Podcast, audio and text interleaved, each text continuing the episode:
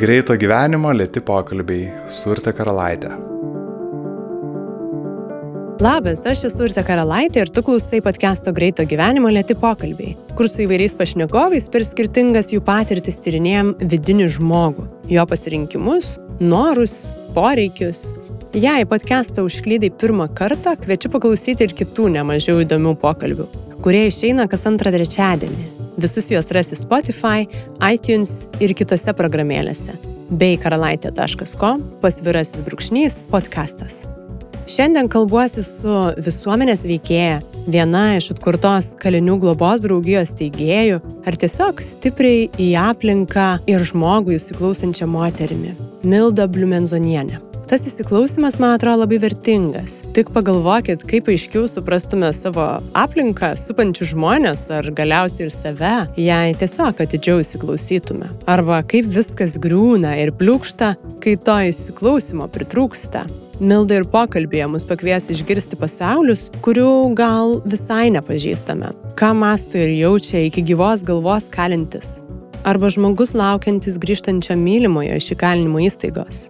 Jei podcast'o pokalbį ir tau padeda atidžiau įsiklausyti į save ar aplinką, prisidėk prie podcast'o tau tinkama kasmėnesinė suma patreon.com pasvirasis brūkšnys lėti pokalbiai. Su patreonais turim slaptą Facebook grupę, kur epizodai jos pasiekia anksčiau, ten tarėmės dėl potencialių pašnekovų, pokalbių temų ar klausimų. Prie podcast'o draugų šį kartą prisijungė Vaidas Mališauskas, Aurelija Nanjevaitė ir Indrė. Pokalbių garso kokybė, kaip visada, rūpinasi garso reklamos studija Drop Audio, o studija ir įranga dalinasi Vilniaus universiteto radio stotis Start FM, kurios gali klausyti Vilniuje FM dažniu 94,2 arba internete adresu startfm.lt. Ačiū labai visiems, nes podcastas daugiau nei metus gyvuoja tik jūsų dėka. Gero klausimo. Labadiena, Milda. Sveika, Urte. Dėkui, kad prisijungėt. Smagu, kad ir paklausot kartais podcast'o. Mielai, tikrai. Man ir norisi pradėti nuo jūsų vienos iš um, veiklų, kurią gal mažiau, ką žinote, tai jūsų tinklaraštis vadinasi Gyvenimas laike. Ir nekartą esu girdėjus ar skaičius jūsų pamastymus apie laiką, kaitą, laikinumą. Visgi mintis ten jūsų nukrypsta koks jūsų santykis su laiku ir kaip jisai galbūt keitėsi per laiką. Iš tikrųjų, kai mm, galvoju, kaip pavadinti ten tą savo puslapį ir taip susisuko kažkokia tokia mintis, galvoju, taigi laikas, kaip nesisuk vis tiek laikė besas. Šiandien laikas, rytoj laikas ir buvęs laikas iš tikrųjų Ir dar tokia mintis, kad labai jau daug laiko, aš jau ilgai laikėsiu. Ir man labai smagu, kad aš visokio laiko mačiau. Ir, sakykime, sovietmetį mačiau ir dar jutau savo tėvų grįžusių iš, iš tremties. Laikas buvo vėlgi kitoks, dabar vėl smagus buvimas laikė, gal taip pasakyčiau. Ir santykis mano, tai turbūt jisai, nu kaip ir mano charakteris, pati esu tokia labai priimu tai, ką man gyvenimas pateikia ir per daug neturiu jam pretenzijų, dėl to, kad nelabai turbūt ką galėčiau padaryti, kai yra situacija, tai tu ją tiesiog joje būni ir kiek tu gali daryti ją įtaką, tiek padarai, o jei ne, tai toliau ateina kitas laikas ir vėl kiti sprendimai. Be abejo, su laiku tikrai nepakovosi, tuomet norisi dar pažiūrėti ir į moters brandos etapus vis tiek turbūt galima kažkaip ar aptakiai skirstyti, jūs jau visokiausių jų perėjo turbūt ir kaip tai jūs formavo ir kaip keitėtės jūs pati iš vidaus, kaip jautėt tą kaitą galbūt. Kai ilgai gyveni, tai paskui gerai pasako, labai dalykų pasidaro. Keistai aš pati save matau. Dažnai matau savo gyvenime kaip kokiam filme, Vaikystėje labai turėjau stiprų santykių su tėčiu savo. Tėtė man buvo viskas, buvo autoritetas, buvo vienintelis ir nepakartojamas, kaip beje, taip ir visi, visiems turbūt. Bet kažkaip mama nelabai dominavo, mama buvo labiau tokia, netoks simbolis tvarkos, tokios režimo, O man labiau patiko tėtis, kuris buvo romantikas ir kaip kažkada rašiau, kad tėčio buvo akis mėlynos, nes jis žiūrėjo dangų, mamos rudos, nes jinai nuolat žiūrėjo žemę, nepakeldama akių. Tai va aš turėjau tokį modelį, kad na, šalia vyro yra jauku. Šalia vyro jauku, saugu.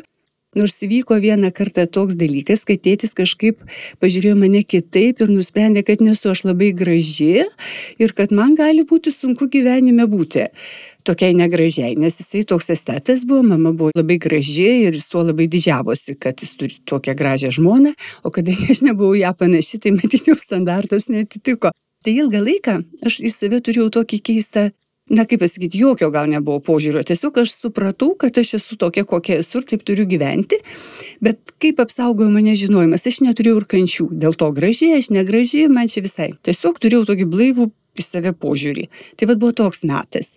Paskui peršoksiu į tą tokį momentą, kuomet aš ištekėjau pirmą kartą, bet kurią pavardę turiu tai aš sutikau žmogų, kuris buvo stipriai už mane vyresnis ir kuris vėlgi man parodė, koks turi būti vyras. Jis iš tikrųjų buvo džentelmenas, turiu pasakyti, senos mokyklos auklėtinis. Buvo nelietuvis, tai, tai dar turbūt prideda tam tikrų kitokių savybių. Ir aš vėl gyvenau saugiai ir man atrodo, šalia vyro yra labai gerai. Ir gyvenimas be vyro tai kažkaip yra ne taip. Dar vienas dalykas, kada mm, jau susidūriau su tokiu iš tikrųjų, mano akim žiūrint, tokiu vyriškumu, kad aš įsimylėjau kitą žmogų, o mano vyras tikrasis visą tą toleravo ir leido man gyventi taip, kaip man atrodė.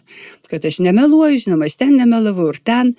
Nervat ir susitikau tuomet tą savo vyrą, su kuriuo gyvenu iki dabar kuris irgi jisai yra nestandartinis, tas mano vyras, dėl to, kad jis iš tikrųjų nekala vinių, nestato lentynų, nešluoja, nevalo, neplauna, ne, nepjauna žolės, bet jis turi kitų krūvą gerų savybių, iš tikrųjų turi blaivų protą, jis, tai yra jo įrankis ir jis, jis to proto savo pagalba, taip mes ir gyvenam ir gyvenam neblogai. Ir jo labiau, kad mūdu abu ir dirbom organizacijų ir ją kūrėm, tai, žodžiu, visi tie dalykai labai viskas suėjo į tą gėrio krepšelį. Ir iki šiol aš, na gal ir nepatiktų feministėm gal, kad aš galvoju, kad na vyras yra būtinai, na taip turbūt Dievas sutvėrė ir aš visai nenoriu, žinau, šito modelio greuti.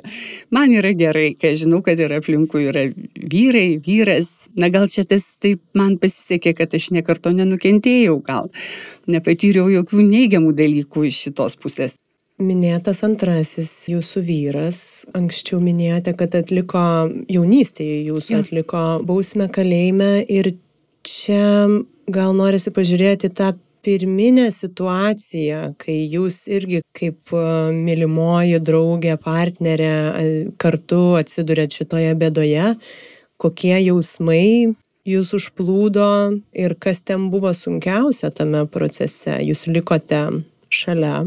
Tai va šitas ir buvo toks įdomumas gal mano gyvenime, būdama saugiai gyvendama su savo pirmoju partneriu, kadangi tas žmogus žinojo tiesą ir man pasitikėjo, jis visai man leido lankyti savo, savo draugą, bičiulį. Ir, ir tokio konflikto nebuvo. Ir aš tą tokį, tai aišku, buvo kitas saugumas, jau aš tai fiziškai gerai jaučiausi, bet šiaip tai kančios buvo pakankamai daug dėl to, kad turbūt visi įsimylėję žmonės žino, ką reiškia, kaip kaip tu nori jį matyti, nori liesti, nori būti.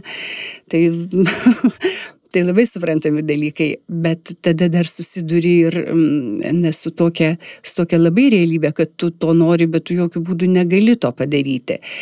Dar vienas momentas, tie žmonės, kurie buvo pažįstami visi kartu, jie be abejo atsitikus bėdai nusisuko. Man jaunai merginai buvo labai keista, aš labai sunkiai susitaikiau, nes aš turėjau savo supratimą, tokį irgi, jeigu esam draugai, visi bičiuliai, kas nutinka, tai jeigu nutinka blogai ir visi į pašalius, tai vad buvo ta tokia labai patirtis sunki, nes aš niekaip negalėjau į tuos žmonės pažiūrėti, į tokius, kokie jie yra. Aš vis dar juos idealizavau ir man atrodė, kad nu, čia kažkas ne taip.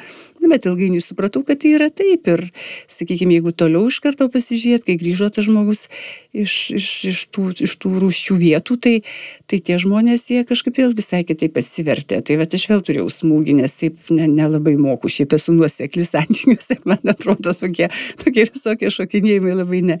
Na, kaž, kažkaip sunkiai aš juos čia taip surikiuoju. Ir jūs minit, kad jūsų tuometiniam draugui patekus į šią bėdą, kiti draugai nusisuko. Jūs buvot jauna, žinojot, kad tai bus ilgas laikas. Ir nebuvo minčių ar pakeliui kažkaip to laukimo, kad visgi gal per sunku, gal neverta, gal nebegaliu. Oi, ne. Tikrai nebuvo. Šitą tai labai gerai žinau, būdavo labai skaudu ir, ir, ir, ir graudu ir, ir gal tokių nusiminusių laiškų būdavo parašau. Sunku iš to didžiulio noro turėti šalia savęs, bet kažkaip tokio noro, kad staiga dabar nutraukčiau, tiesiog net, aš net neatsimenu. Tokį pavyzdį pasakyčiau, nes neįtėjo tokia moteris, kuri ilgą laiką gyveno su savo vartojančiu vyru, kai jis nustojo vartoti, jį paliko. Išsiskyrė. Tai ta prasme, matyti yra moterų, aš tai, man taip nenutiko, bet, bet yra žmonių, kurie tiesiog bedoj nepalieka, kai jau atsitinka kažkas, nu, jau, nu, sakykime, jau aplankė gėris, viskas tvarkojama ir palieka. Tai mes sėdėjom ten pusę dienos geriam kavą ir aš galvoju, Dieve, tu tiek metų kentėjai, o dabar, nu, sako, matai, aš turbūt pripratau prie jo tokio ir man jau kitokio mhm. nebegaliu. Tai va, taip irgi būna. Aš tai taip kažkaip labai ramiai per daug, gal, gal tokį irgi charakterį turiu pati savo, su savim, su savim, aš taip tai iš, iš, išlaukiau tą laiką.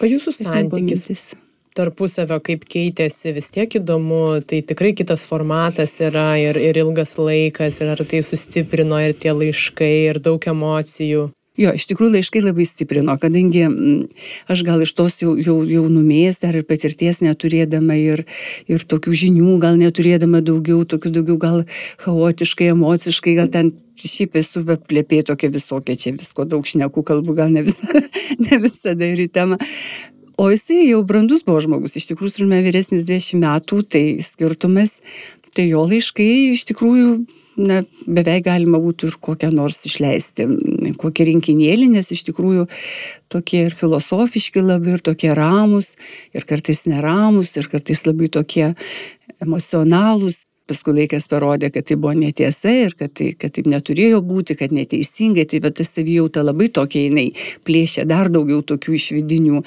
emocijų ir kartais keršto, kartais atrodo dar visokių dalykų, bet šiaip tai aš manau, jeigu ne jo laiškai, tai galbūt man buvo ir sunkiau, nes tai nu, tokį gauni tokio, nu, tokio, atrodo, žmogus toli, nes jis buvo Rusijoje ir, o čia gauni tokio gurkšnį, kažkokios gaivos, tokios ir gavom Tai kas tu čia viską turi, kiną turi, turi mylimą kažkokį užsiemimą, dar visokius dalykus, visko aplinkui tie gero ir čia dabar toks išskydimas, nu, sutvirtina iš tikrųjų.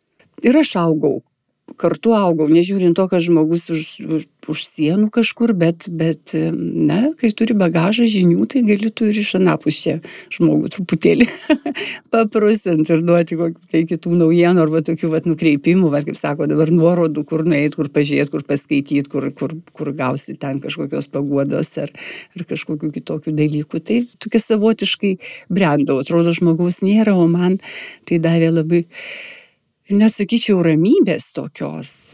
Tai vad darbė man toliau labai, toj tarnystėje mano ar tame kelyje, tai labai padėjo. Kažkaip tokios visada turiu ramybės ir galimybės išklausyti ir man atrodo taip viskas paprastai ir aš galvoju, kad galbūt ir iš, iš tų laikų atėjo kažkokio tokio užsiliko tas jūsų klausimas apie, apie mano bičiulį, tai jisai ir toliau aš galiu įvysti dėl to, kad kai jisai parėjo iš, iš tų visų vietų ir buvo 90 metai ir sugalvojo grupelė žmonių, disidentų buvusių atkurti Lietuvos kalinių globos draugiją ir jis buvo vienas iš jų ir, ir, ir iniciatorius. Kadangi aš irgi žinojau, aš nežinojau, sakykime, kas vyksta įkalinimo įstaigose, bet labai, nu jau tokia buvau praktikė, kaip jaučiasi žmogus, kuris laukia. Ir aš ilgą laiką, būdama šito organizacijų, būtent dirbau su, su moterimis, su mamomis, žmonomis, sesėmis. Tai va ilgą laiką aš dirbau su, su šita grupė žmonių, o ne su pačiais nuteistaisiais. Truputį norisi gal jau ir plačiau pažiūrėti į atleidimą už, už kito žmogaus padarytas klaidas ir kaip jums atrodo, ar čia jau yra besąlygiška, ar visgi kažkokiu tai elgesiu savo to reikia nusipelnyti iš savo patirties, tai turbūt dabar gal iš dabarties galvodama, tai galėčiau pasakyti, gal kad gal atsakomybės mano tas bičiulis ne, ne per kažko, kažkokio atsargumo gal neturėjo, gal kažką tai vertino blogai. Aš pati tai taip nepajaučiau, bet jo artimieji, sakykime, mama tėtis, jiem atrodė, kad, nu, taip skaudžiai labai palėtė to žmonės, nes buvo jų mylimas sunus ir kaip taip galėjo nutikti. Ten atsiranda tokių turbūt jaus, jausmų, nors tiesioginės kalties kaip ir nėra na tiesiog taip nutiko, pats save nusiskriaudė tokiam amžiui. Bet tas išlieka, kur, kur vis tiek sunus turėtų turbūt atsiprašyti tėvų, ką jis ir padarė, ir labai gailėjosi iš tikrųjų. Ir, bet jeigu jūs klaustumėt, kaip įvyksta su žmonėm, kada tokios fatalinės, sakykime, ne yra žudimas arba stiprus, stiprus sužeidimas, kuris pasiekoje žmonės miršta arba lieka suluošinti, va čia jau labai sudėtinga iš tiesų. Esu bendravus ir su ta pusė, ir su kita pusė. Ir žinot, atrodo, tikrai padaro žmogus viską, ką gali. Atsiprašymą įdeda visą savo širdį ir, ir atiduoda ir finansinę tą skolą ir visą, ką, ką tik tai įmanoma. Šitas žmogus atrodo atleidžia kas yra kažkas vis tiek neša tą tokį sunkumą dėl to, kad kažkas yra prarasta. Tai vad, kai jau prarasta, tu nieko negali padaryti. Nu nieko, iš tikrųjų.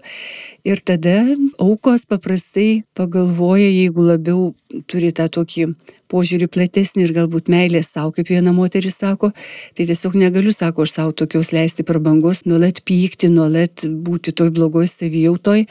Ir aš sako, užmiršt neužmirštu, bet iš tikrųjų atleidau nuoširdžiai. O tas nuoširdžiai tai yra tas, kad aš visiškai nebenoriu daugiau galvoti apie tai, noriu matyti tą žmogų gražų ir kas atsitiko, kada jinai po kurio tai laiko su tuo, čia buvo sunaus atėmimas, jinai su tuo žmogum visgi susitiko. Apie ką jie kalbėjo, nežinau, bet kažkur kažkas įvyko, kas jai padėjo, iš tikrųjų. Kas ten įvyko, ar jinai galėtų ir pati vardinti žodžiais, nežinau, bet nuo to laiko jinai tiesiog jinai neturi jokio keršto, pasitaisė sveikata, kaip jin sako, vat man rodikliai tokie, kad mano nuotaika pasitaisė. Kažkas įvyko tarp tų žmonių, matyt, bet tik tai tarp jų dviejų. Bet didesnė dalis žmonių iš tikrųjų nepamiršta.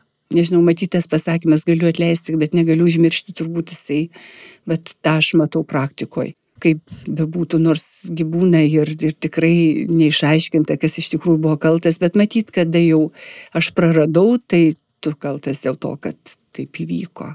Tai čia apie auką kalbant, o tie žmonės, kurie padaro nusikaltimus, jie, žinokit, labai kenčia. Kas jiems labai padeda, iš tikrųjų malda, iš tikrųjų aš esu tikra, kad Kristaus kaip po tokio įkalinimo įstaigose yra labai daug, jis ten yra nuolat ir jo labai ten reikia. Ir jeigu nebūtų, tai turbūt žmonėms būtų labai prastai ir tą matau, nes tie, kurie iš tikrųjų įtiki ir patik ir turi tą tikrąjį kuris supranta ir atleidžia ir priima, tai yra labai svarbus tas, tas, tas asmuo ar tas institutas, kaip čia pavadintume. O tie, kurie to nepadaro, jiem yra labai sunku dėl to, kad aš vis tiek, žinokit, irgi, bet jeigu aš galvoju, nu viskas jau čia taip įvyko, nieko negali pakeisti. Ir vis tiek kažkokia dalytė lieka, kadgi nagi įvyko. Nagi vis tiek įvyko. Ir va, va tas matytas mažas taškiukas jisai vis tiek. O kada įtiki žmogus ir jis jau kaip sakyti, už mano nuodėmės kažkas atkentėjo, iš tikrųjų tai ateina didžiulis palengvėjimas. Kiek aš turiu tokių liūdimų ir kiek aš matau žmonių atgyjusių ir tikrai jiem net ir tas dalykas, kad, kad iki galo kažkas neatleidžia už jų padarytą veiką, tai irgi jam padeda. Dėl to, kad ta malda jie tada jau melžiasi už viską. Labai džiaugiuosi visais vat, žmonėmis, kurie eina su maldos grupėm, kurie vat, eina kunigai, kapelionai, tai tiesiog būtina. Nes man atrodo, viską tu gali kalėjime turėti. Ir, ir mokslę, ir žinias, ir kompiuterius, ir technologijas, ir visa kita. Bet, bet, bet šitie dalykai, nu, joks kompiuteris tau ne, ne, ne, neatstatys ramybės ir neduos tavo tokių švitėjimų ar vėl tokio noro gyvenimą mylėti ir pačiupinėti kitaip. Ir galbūt dar tai, kad ypač, na, įvykdžius nusikaltimą aplinka teisė atstumia, tu esi vienas, tavęs niekas Taip. E, neišklauso, nepalaiko ir tikėjimas ir tą dalį turbūt e, stiprina, kad tu nebesijauti vienas. Žinoma, ir aš visada tą pastebiu labai, kada žmogus iš tikrųjų jau jisai turbūt viską padaro, atgailauja ir atsiprašo ir tada jau jis išeina toks stiprus, kad jis visiškai atlaiko, žinokit, jis atlaiko tą, tą aplinkos poveikį, jam yra stipru ir saugu, nes jis jau viskas, jau man nieko negali padaryti, aš jau viską padariau, ką galiu ir jeigu jūs mane čia smerksit ar kažkaip tai dar mane čia nenorėsit manęs, aš galiu tą atlaikyti, va tas stiprumas. Ir ilgainiui iš tikrųjų ir aplinka tada pradeda suprasti, kad o ką jau bemuši, kad viskas, tas žmogus tiek atviras, kad net šviečia. Tai tu nieko nebegali daugiau padaryti. Ir, vat, ir, ir, ir tokie žmonės, jie, jiems sugrįžimas į, į tą mūsų sociumą, į tą mūsų gyvenimą, jiems yra paprastesnis, nepasakysiu gal, kad lengvas, gal to paties žmogaus reikėtų jį pakalbinti, bet šiaip aš matau, kad tie žmonės, jie, taip žmogus išeina vat, iš galimo vietos, visas jisai pasimetęs, nieko nemoka, nieko nežino, jisai pyksta, jisai nes reikalauja ir nuolat, nuolat jis vat, visus atrodo nori noriu gazdinti, aš jūs visus išgazdinsiu, tada jūs mes bijosit ir viską padarysit.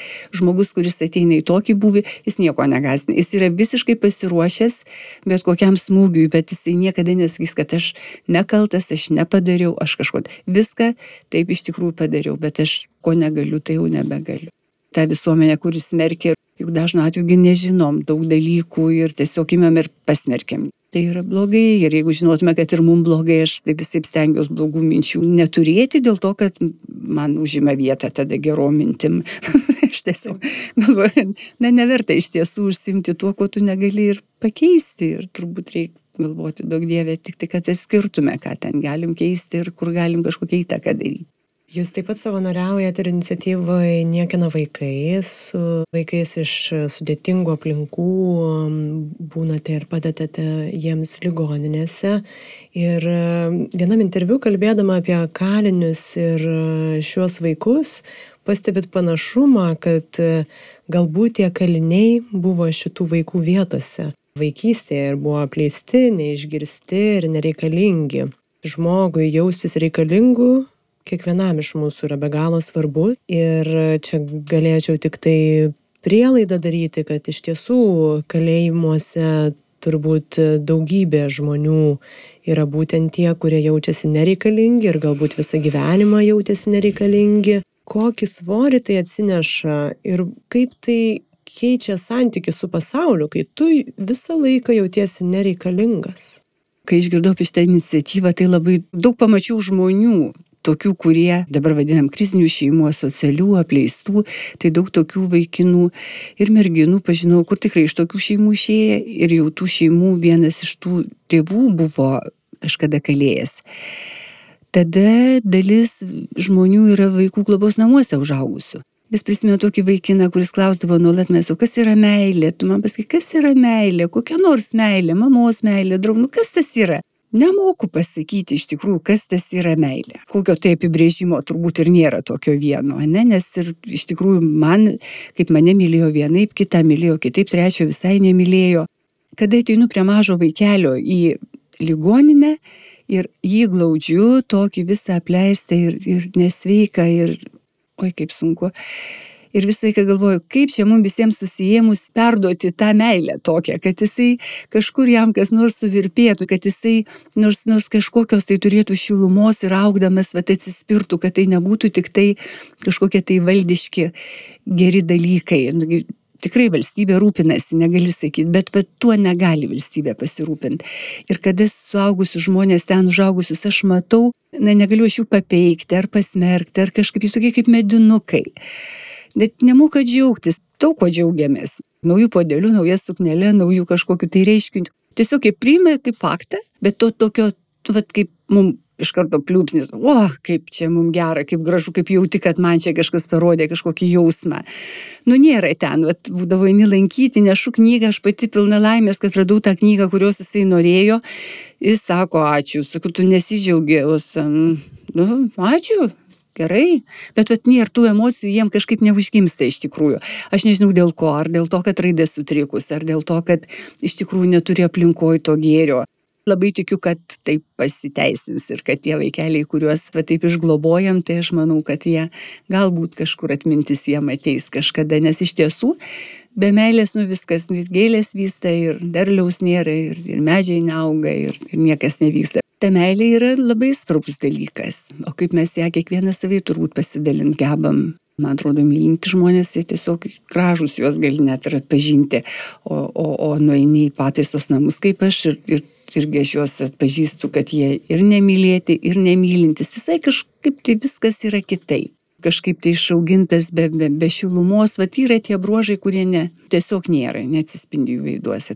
Ką Jūs paminėjot, man suskamba, kad e, žmonės pataisos namuose galbūt e, nemoka džiaugtis, ar tos emocijos kažkur, ar tai užslopintos, ar tai nesusipažinta su jomis. Ir galbūt tai ir yra atėję iš to augimo ir vaikystės, kur jie tų emocijų be piktų galbūt ir nematė kitokių. Ir jie nežino, kas yra ta šiluma tikrųjų nežino.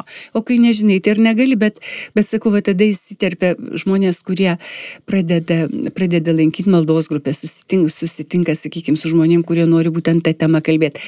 Jau ten jie pradeda šilti tie, tie tokie ledukai, bet tai dar irgi nėra tas žinojimas ta šiluma ir va tie jausmai, apie kuriuos kalbam, juos kažkaip juos reikia patirti. Nu, tu niekaip jų teoriškai neiš, neišgalvosi. Kaip aš jums nešnekėsiu, šilčiau nuo to nebus. Iškia, turi, kažkas turi man suteikti tą emociją.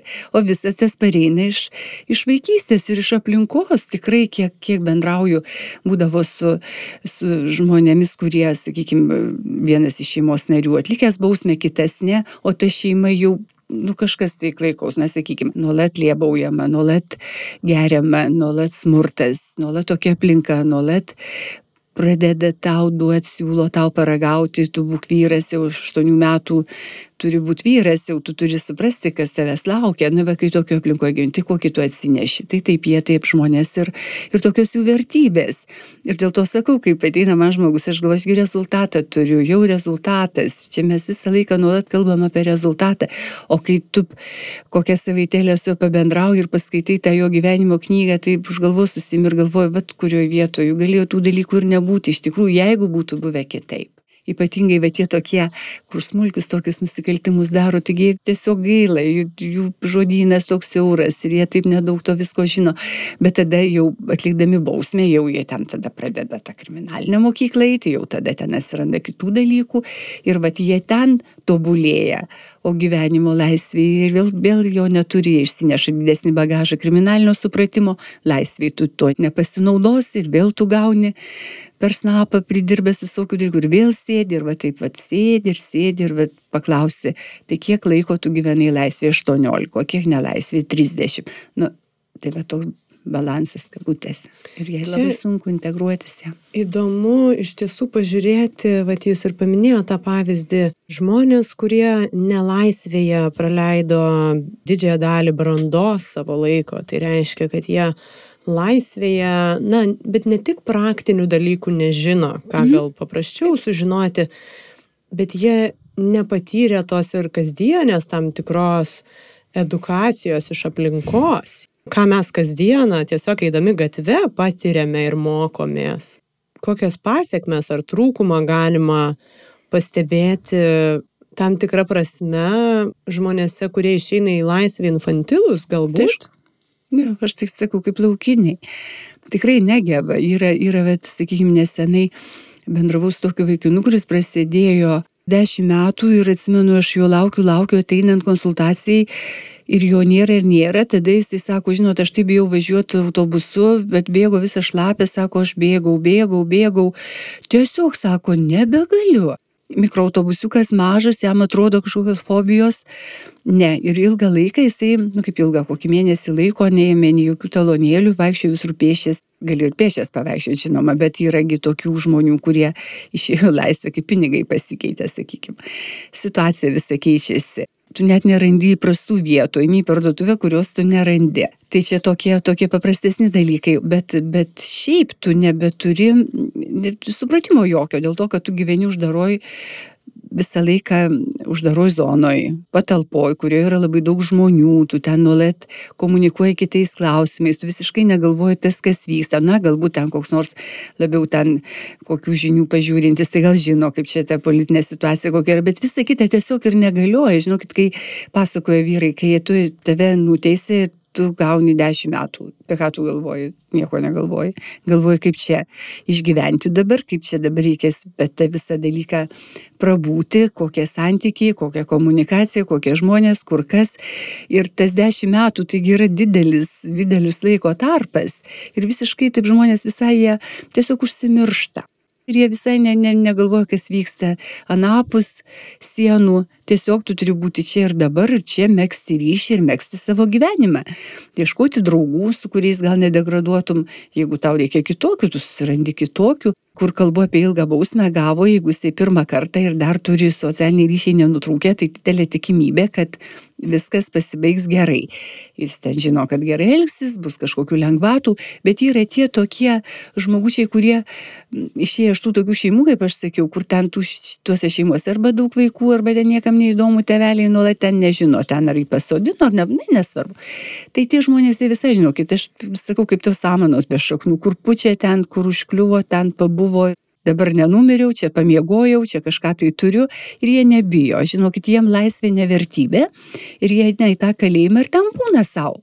Atbūna vėl laiką, va dabar sustinku tokį irgi vaikinas sako, nu, vad baigęs vasarą, reikia kažkaip pasirūpinti gyvenimu žiemą. Tai jisai jau galvoja, kaip čia dabar prisidaryti tokių kokių tai tokių nusikaltimų, kad jį tiesiog atvirų tekstų jisai nori patekti į pataisos namus, nes jis tiesiog neturi kur žiemą gyventi. Mūsų sistema tokia keista, kad paleidžia žmogų į laisvę ir galvoja, kad kažkokius stebuklų jisai gali integruotis, bet jis neturi nei pinigų, nei namų, nei įgūdžių, nei profesijos, nei jokio išsilavinimo. Tai kas jam belieka, jisai, sakau, va, daug dievė gero oro ilgiau, jisai kažkaip ta tokia savaiminė integracija, kur po krūmų, kur kas. O paskui iš tikrųjų nori eiti. Nori eiti atgal ir aš nu su pagarba ar ne su pagarba, su gailėšiu gal galvoju, tai ir eik tu, ačiū Dievui, nes yra dalykų tokių, kur jau pavasarį matai, kad sušalo jau, nebe tu nebesustinki to žmogaus ir taip yra buvę. Ir vertybiškai įdomu dar tas santykis, nes jūs uh, sakot, kad uh, laisvė vertės nebūtinai turi, kai... Dalis žmonių tikrai nevertybė, jiem, jiem tiesiog kaip prakeiksma. Čia viskas yra svetima, tolima, neaišku, sudėtinga. Taip. Ir kaip tada keičiasi to žmogaus santykis ir su gyvybe, su savim, kur galbūt yra tik tai išgyvenimo tikslai, kaip jūs sakot, jeigu net grįžti kalėjimą nėra kažkoks didelis blogis. Tai yra jo gyvenimas, jisai tikrai nemoka gyventi laisvėje tiesiog tiesiog nemoka, o kalėjimas jam yra viskas savas, savi kampai, sava lova, savi draugai, sava administracija, savi prižiūrėtojai, vienai per kitai, bet tai yra viskas sava. Jis taip ir nesukūrė, jūs labai anksti pateko į pataisos namus ir ten neįvyko pataisos jokio. Niekas su juo nepadirbėjo ir jis taip ir nesuprato, ką jis ten veikė. Jis tiesiog pasėdėjo ir išėjo šeimą, kur nelaukia ir kur tu negausi jokių patarimų. Išėjo pasipūtęs visas, kadangi jis jau realis, jis jau pasėdėjo, jis jau kažkokiu turi tatuiruočius, jis jau turi kažkokį tai, nu, tokią kažkokią kitą galę. Ir jis eina į tą, į tą terpę, kurioje jis gerai jaučiasi. Bet ta, ta terpė, jinai dažnu atveju, arba jeigu ją kūruoja ta terpė kažkoks vyresnis koks nors buvęs teistas žmogus, kuris turi tikslų, sakykim, tai gali panaudoti tą jaunuolį kokiem piktiem tikslam ir vėl jį ten nuteis. Arba jisai pats tiesiog taip gyvena, kaip išmano, jisai darbo dirbti nemoka, jeigu jisai turi sakykime, daug yra jaunų žmonių, kurie neturi net pagrindinio išsilavinimo per savo ankstyvą vartojimą ar alkoholio vartojimą ar narkotikų, jie tiesiog nieko nemoka, tai kur jį dėti, net negali į suaugusių mokymo centrą nes jau ten turbūt pradėtume nuo devintos klasės. Tai jam yra beviltiška padėtis, iš tikrųjų, žinokit, ateina į kabinetą toks, toks vaikinas ir aš tiesiog paskėsiu rankom ir aš nežinau, ką daryti. Nežinau, nuo ko pradėti, jeigu būtų, aišku, centras, kuriame galėtum tu jį priglausti ir pradėti tiesiog tą darbą, kurį turbūt turėjo padaryti pataisos namų specialistai, ten turėjo būti visos praeitos programos ir jam turėjo būti ūkdomi socialiniai įgūdžiai ir jis turėjo būti mokomas gyventi laisvėje kaip dera, tam ir yra turbūt teismas jį nuteisė į pataisos namus, o ne kur nors kitur, bet kai tas neįvyksta, tai jisai koks nuėjo, tai išėjo didelė tikimybė ir mano praktika rodo išėjo blogesnis. Jeigu tu nori integruotis į visuomenę, tai turi vėlgi į tą laiką jau tu pagalvoti, kad tai ne savaitė, ne metai ir ne du daug dalykų turi ir galvoj susitvarkyti ir dar vis tiek kabo tau nusikaltimo padaryti dalykai, skolos. Antstoliai taip pat pasirodo, vis, viskas, tu, tu stigmą turi, tu esi į darbą, tave, nu, nebus tau gerai. Ir jie nenori apsikrauti šitų visų balastų tokiu, tai pavadinkim, ir jis tada savo patostogauja vasarėlę ir visiškai ramiai grįžta į pataisos namus be jokių skrupulų ir be jokios čia, čia laisvė man ar dar kažkas. Tikrai aš bet tą tai kalbu iš, ne iš savo sugalvojimo, iš tikrųjų liūdėjimai, kurie ateina vaikinai ir sako, tu čia, nu ta žodis, nesiparink, tu čia dėl manęs, aš viską žinau, čia man viskas gerai. Tiesiog, va, pagalvoju, užėsiu, pašnekėsiu. Tai bet yra tokių žmonių, kai toks žmogus pasirenka tokį kelią, aš irgi didžiulio tokio rūpeščio ir man nelieka, nes jeigu jis nesirūpina, tai kągi jo aš be galiu padaryti. Ir šiaip nelabai gali užsikrauti kito žmonių nuodėmių savo. Už savo nuodėmės turim patys atidirbti, kad ir ką, kaip benorėčiau būti gera, ne, ne, nepavyktų. Tokie tie žmonės ir jų yra nemažai iš tikrųjų, netgi statistiškai galiu pasakyti, ką pasakė ministras teisingumo, kad tokių yra žmonių išeinančių iš įkalimų vietų 62 procentai. Ir grįžtančių. Nuolat grįžtančių. Mhm. Tai rodo, kad iš tikrųjų jie tiesiog ne, negeba įsiauginti čia, įsiveiklinti laisvėje. Bet tai, ką jūs sakot, na, tas procesas grįžimo tikrai yra sudėtingas. Žmogui, kuris neturi Žiauriai. patirties, yra dar sudėtingiau, bet kuriam iš mūsų iš tiesų jau tarsi turinčiam ir platesnį matymą ir patirčių įvairių, tai būtų be galo sunku. Taip. Čia mes kalbam apie praktinius dalykus. Man dar norisi pažiūrėti ir tą truputį jau vad prasmės tą pusę. Aš jums minėjau anksčiau, podcast'o sekėjai žino, kad man nepavyko gauti sutikimo pakalbėti su kaliniu. Jisai buvo nuteistas mirties bausme, tuomet pakeitė iki gyvos Gyvos galvos bausmę ir kuris bus pirmasis Lietuvos istorijoje, kurį išleis penkerių metų laikotarpyje.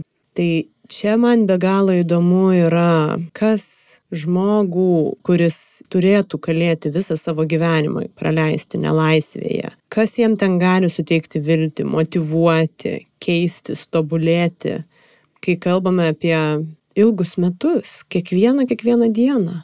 Jo, suprantu, ką jūs klausėt ir labai mm, e, atsimenu savo tokią būseną. Nuolat aš ją išgyvendavau, kada eidavau į Lūkiškių kalėjimą, ten turėdavom tokias socialinės programas, eidavo savanoriai ir aš kartais nueidavau. Ir būdavo tokie susitikimai, kalėjimo direktorius leido daryti tokias žmonėm nuteisėm iki gyvos galvos, kurie kaip jūs sakot, motivuoti, šiek tiek nori kažką tai keisti savyje, lanko maldos grupės, kažko tai mokosi, eina į darbą. Šitiem žmonėm leisdavo susitikti su savo artimaisiais. Tai būdavo net tas neįtikėtinas dalykas iš tikrųjų. Aš dabar neatsimenu, man atrodo, kad čia buvo tik tai viršininko valia tokia paties.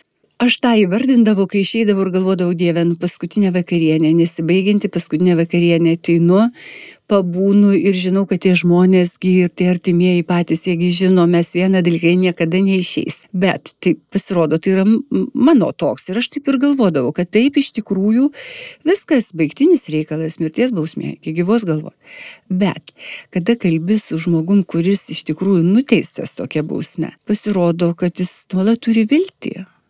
Tiesiog tai yra viltis, kad kažkas pasikeis, nežinom kas. Atrodo, kiekvieną dieną niekas nesikeičia. Ir vėl ta pati rutina ir visa kita, bet kažkur kirba. Ir galbūt ir kalbėjom, turbūt iš čia yra atsiradęs, kad viltis miršta paskutinė. Ir tikrai žmogus, kuris buvo nuteistas mirties bausme, tikrai turėjau laišką jo paskutinį parašytą. Kitą dieną buvo įvykdyta mirties bausmė, bet jisai rašė man iki pasimatymo. Ir galvoju, Dieve, taigi viskas jau, iš kur dar tu turi tokį tikėjimą. Ir batis iki pat paskutinės minutės jis vis ir visame laiške jisai parašė daugybę visokių sąlygų, kokios gali įvykti, gali tas įvykti, gali kitai būti, o gal, o gal dar kažkas, o gal, o gal pagaliau bus žemės drebėjimas ir vis tiek neįvykdys tos bausmės. Tikrai su kitais vaikinais kalbi susirašinėjau, daug vaikinų rašo vyrų jau brandoj, jie vis tiek turi viltį ir turėjo visą laiką viltį. Jau kiek aš tame 30 metų, sakykime, ir jie nuolat turi viltį ir kada nueini ir atrodo tu pats beviltiškas toks visai, net sunku, bet neturi su savim kažkaip pakovoti, kad tu ten nebūtum liūdnas ir kažkoks ten visas motivacija į kitą pusę. Ir tada, kai turi vilties, tai kodėl ir nepadirbėti. Aš nežinau, ne visi galbūt, bet tas vaikinas, apie kurį jūs kalbėjote, jis turėjo stiprią viltį ir pasirodo, jisai nepralošė. Ta prasme, kad jis ir mokėsi, ir ėjo, ir dirbo. Ir tikrai žmonės prisitaiko būti tenai tom sąlygom ir tie, kurie turi tą viltį ir ją puoselėja iš tikrųjų ir taip jiems, jiems tada ir ateina tas noras, o jeigu at aš turiu vilties, at pasikeisi, dar turiu būti sveikas, kad išeisiu, mamai reiks padėti, bet tokių yra kalbų, išeisiu, gal merginą susirasiu, gal dar kažkas, na, reiškia, aš turiu su jim dirbti, turiu kažkaip, nu, nedegraduoti visiškai galutinai. Nors e, vieną žmogų buvau susitikus, jisai labai žiauriai savo, savo šeimą pasielgė ir jį nuteisė iki gyvos galvos. Mes su juo susitikom vienos, mm, vienų mišių metu. Tai jisai, kadangi mūsų organizacija labai kovojo, ne, prisidėjo prie to, kad būtų mirties bausmė panaikinta. Kiek ten to mūsų indėlio, turbūt didysis indėlis tai, kad Europa to reikalavo, bet ačiū Dievui, kad tas įvyko. Bet tas vyras sakė, aš jūsų nekenčiu. Dėl to, kad mirties bausmė atkeista. Aš sakė, nepakeliu šitos kančios, neturiu jokių vilčių, jį nuolat persekioja tai, ką jisai padarė ir niekaip ir psichologai jam nepadeda jau nebeturi ko atsiprašyti, o pats savo atrodo toks baisus, kad savo atleisti negali. Tai va ir, na, tokių matyti yra ir daugiau žmonių. Visokių turbūt yra, bet, bet yra dalis žmonių, kurie iš tikrųjų su viltim gyvena ir daug dėjom pastangų, kad tas liktinio paleidimo visgi atsirastų. Ir popiežiusgi kalbėjo, kad jeigu iki gyvos galvos yra tokia bausmė, tai to lygų mirties bausmė, nes žmonėms iš tikrųjų nėra jokios vilties, jie vis tiek numirs tiesiog patys savo mirtim. Oi, ir vakar toks vaikinas veža mane ten į tą renginį ir sako, va, aš tai piktas esu. Visi sėdi, sėdi ir niekada neišeina. Bet aš tada sakau, tai jeigu mes taip žiūrim, tai valstybė beveik jau kaip ir piktesnė už tą nusikaltelį. Jeigu tu jau visiškai kerš, kerštauji taip labai stipriai. Manau, kad taip neturi būti. Bausmė turi būti, bet žmogus, kuris atlieka bausmės, turi suprasti, kad jis kaltas. Tai dabar yra daug žmonių, kurie, kurie tiesiog vėl išeina į, į laisvę, taip ir nesupratę, kodėl jie ten buvo. Tiesiog, vad sako, pasėdėjau. Tai betgi turi įvykti kažkas tų žmonių mąstymė. Jeigu jisai padarė nusikaltimą, matyt, gal buvo kažkokių bėdų kitų, kaip aš sakau, taip, kai vartai tą, tą jo gyvenimo knygą. Ir taip neimti taip vat, griežtai ir pasižiūrėti į tą žmogų, kad jau va, toks baigtinis dalykas ir jis jau niekada nepasikeis, taip, taip turbūt būtų neteisinga. Aš taip galvoju, bausmės turi būti labai griežtos, bet nelabai ilgos. ir ta prasme, ir, ir, ir turėtų visa visuomenė turbūt irgi įsijungti į to žmogaus integracinį procesą ir laisvėje net neturėtume bijoti, bet kiek daug tolerancijos žodinės, teorinės, o kai susitinki su, su, su faktu, kiek, kaip, kur jinai dinksta, kokia statistika, kaip į to žmonės žiūri visi kiti. Nu, daug tokių dalykų yra ir laisvai, man atrodo, reikėtų padirbėti tuo klausimu su, su žmonėm, tiesiog daugiau gal turėtų būti straipsnių ar specialistų galbūt pasisakymų darosi nesaugu gyventi laisvėj dėl to, kad na, nėra to sustaikymo. Tai jeigu tie žmonės išeina perpikė, mes irgi jų nenorim, tai kas įvyksta, nu natūraliai yra blogai. Tai vėl grįžtų prie to, na aš noriu gerai jaustis, ne, nenoriu aš turėti kažkokio pykčio ir tokio nuolat nu, nu, kažkokio tai tokio nepasitenkinimo. Tai neturi būti, jo lab, kad tie žmonės vis tiek jėgi ir tą bausmę atliko, ir, ir be abejo įvyko ir galbūt mediacijos dalykai, o, o mes pašaliniai žmonės užsiimam dar kažkokių teisėjų čia mantijos užsidedam ir dar sakom, tu šioks to anoks, o mesgi prie ko, tai mes turbūt turėtume kitaip turėti, kitokią gal poziciją. Na, žmonės tikrai ne vienalyčiai ir, ir jūs pamatote abi tas pusės ir kažką baisaus įvykdžiusius ir tuo pat metu matot ir pokytį, ir viltį, ir tikėjimą, bet jūs ir pati tikite žmonių gebėjimų keistis ir suteikėt jiem antrą šansą, nors ne visą laiką galbūt e, pateisina ir jūsų lūkesčius, neteisėt pas, už pasikartojančias klaidas. Kas čia kuria jūsų tikėjimą ir pasitikėjimą? Žinot, bet irgi jau ir galvojau, su manim kaip nutiko, atrodytų, nuolat būnu tokių nelaimingų žmonių e, kompanijoje ir tokių ir, sakykime, nusikaltelių. Bet, nu, vad niekada neišsiugdžiau pykčio. Nesu turbūt ant nieko supykus, na, žadėjai, čia sakėjai, bus taip ir taip ir kitaip. Na, nėra to. Ir pagalvojau, kodėl. O todėl, kad iš tiesų neužsijimu to žmogaus jokiom pareigom, neturiu absoliučiai jokių vilčių žiūri į žmogų, su juo kalbi, su juo bendrauji, tu labai gerai matai, kiek jisai turi jėgų, kiek jis meluoja, kiek jis fantazuoja, kiek jisai ko nori ar nenori. Ir aš tada visai ramiai pagalvoju, taigi tavo yra reikalas tvarkyti su tavo gyvenimu. Aš tavęs išklausiau, jeigu tu nori, kad aš tau padėčiau ir aš galėsiu, kažkiek padėti išoriškai, tai aš tą ir padarysiu. Bet šiaip nenoriu aš vykdyti kažkokiu tai funkcijų tų, kurias tu turi pats pasidaryti.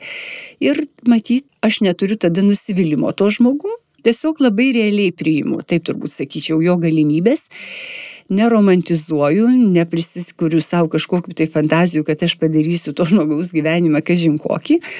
Na ir tai man teikia tokios ramybės turbūt. Ir aš galvoju, būdama šalia tų žmonių, būdama tokia metarsi ir blogėje, bet viskas tas taip modifikuojasi į, gerumą kažkokį. Vat aš nepablogėjau per tą laiką, o pagerėjau, man atrodo.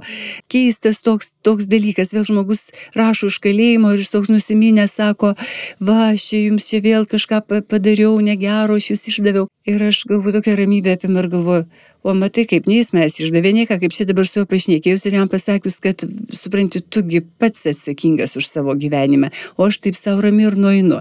Iš tikrųjų, neprisėmiau turbūt nei karto jokios atsakomybės už kito gyvenimą. Galbūt pačioj pradžioje ir buvo tokio nusivylimų, gal dėl žmonių nedėkingumo, man atrodė, kad žmonės turi būti labai man čia dėkoti nuolatos, nes tokia gera.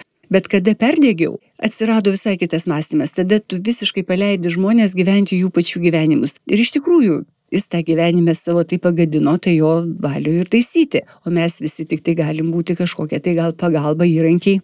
Ir taip galvoju, jeigu užsimčiau dabar atsakomybėm visų tų žmonių, kurie prisidirbę visokių bėdų, tai jau gal būčiau senai numirus nes tiesiog tokią naštą prisimti būtų labai sudėtinga ir neteisinga, nes iš tikrųjų nieko tu negali to žmogaus gyvenimą pakeisti esmėje, jeigu jisai pats neprisima atsakomybės už savo gyvenimą.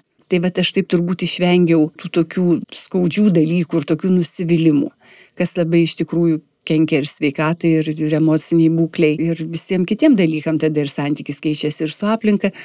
Tai va to aš kažkaip išvengiau ir, ir man dėl to ramu ir dėl to turbūt aš turiu jėgų ir aš nenusimenu, nes aš nenusiviliu ir aš turiu toliau tikėjimą, kad tie žmonės visi kažkada tai. Juk mes nuolatos keičiam kitą žmogų bendraudami, kalbėdami, sakydami, siūlydami gražiai, atsargiai, neprimiktinai, nepasmergdami, nenuteisdami. Ir tas žmogus, jisai, aš manau, kad jisai išgirsta, nes daug tokių yra atvejų, kuomet vetvikinai liudė. Pats sako, žinot, jau daugiau ir nebesėdau, tris kartus pasėdėjau, jis jau tokį laišką rašė irgi nesenai. Sako, pagaliau supratau, ką mes čia šnekėjom ir ką kalbėjom aš manau, kad, kad mūsų visų tai, tai didysis indėlis yra į tai. Viena pusė, žinoma, man labai svarbu, kad kalėjimuose vyktų pataisa pačiuose kalėjimuose, kad jie nebūtų tie žmonės kankinami ir toliau, kad ten jie degraduotų. Tada tas žmogus atėjęs į laisvę, tai būtų perimamumas ir mes galėtume visai šauniai toliau bendrauti. Bet vieną tai tikrai žinau, kad kiekvienas už savo gyvenimą yra atsakingas pats. O mes visi tik tai, na, bet šalia jo, jeigu jisai nori mūsų, tai mes galim būti jam geri, o jeigu jis nenori, tai, tai tada, bet vėl užsisuka procesas. Šitą mintį jūsų kažkaip norisi ir pabraukti, nes iš tiesų tas svarbu turbūt ir, ir kitose temose, kalbant apie ir problemas šeimose. Taip. Ir, ir priklausomybės, kad, kad visgi negalime būti atsakingi už kito žmogaus pasirinkimą, kryptį kelią ir galime būti įrankiu, kai jis prašo pagalbos. Šimtų procentų. Turėjau va vieną tokį pavyzdį. Tiesiog chrestomatinis gali būti, kad aš visiškai neprašyta, kokius devynis metus bandžiau padėti vienai merginai, dar privėliau ten visus ir tėvus, ir ką tik tai nori, ir galiausiai, ką jūs savo galvojat, jinai kaip vartojo, taip ir vartoja. Kiekvieną kartą galvoju, tai kągi aš dariau, niek ką tu darai, kai tavęs niekas neprašo. Iš vis tai yra blogis, tu bruki žmogui tai, ko jis nenori, tu pastatai į tokią situaciją, jisai visai ten raitos ir nori tau būti geras, nes kažkurio tai momentu jam gal ir reikia to, kad jis beviltiškai lygotas, kada guldai ligoninę, kada operuoja. Jeigu neprašo, tai ir nereikia. Aš taip galvoju, nes tu tiesiog tu gali nepataikyti. jam galbūt reikia visai ko kito. Tu galvoji, kad jam čia liūdna, o pasirodo jam visai gerai.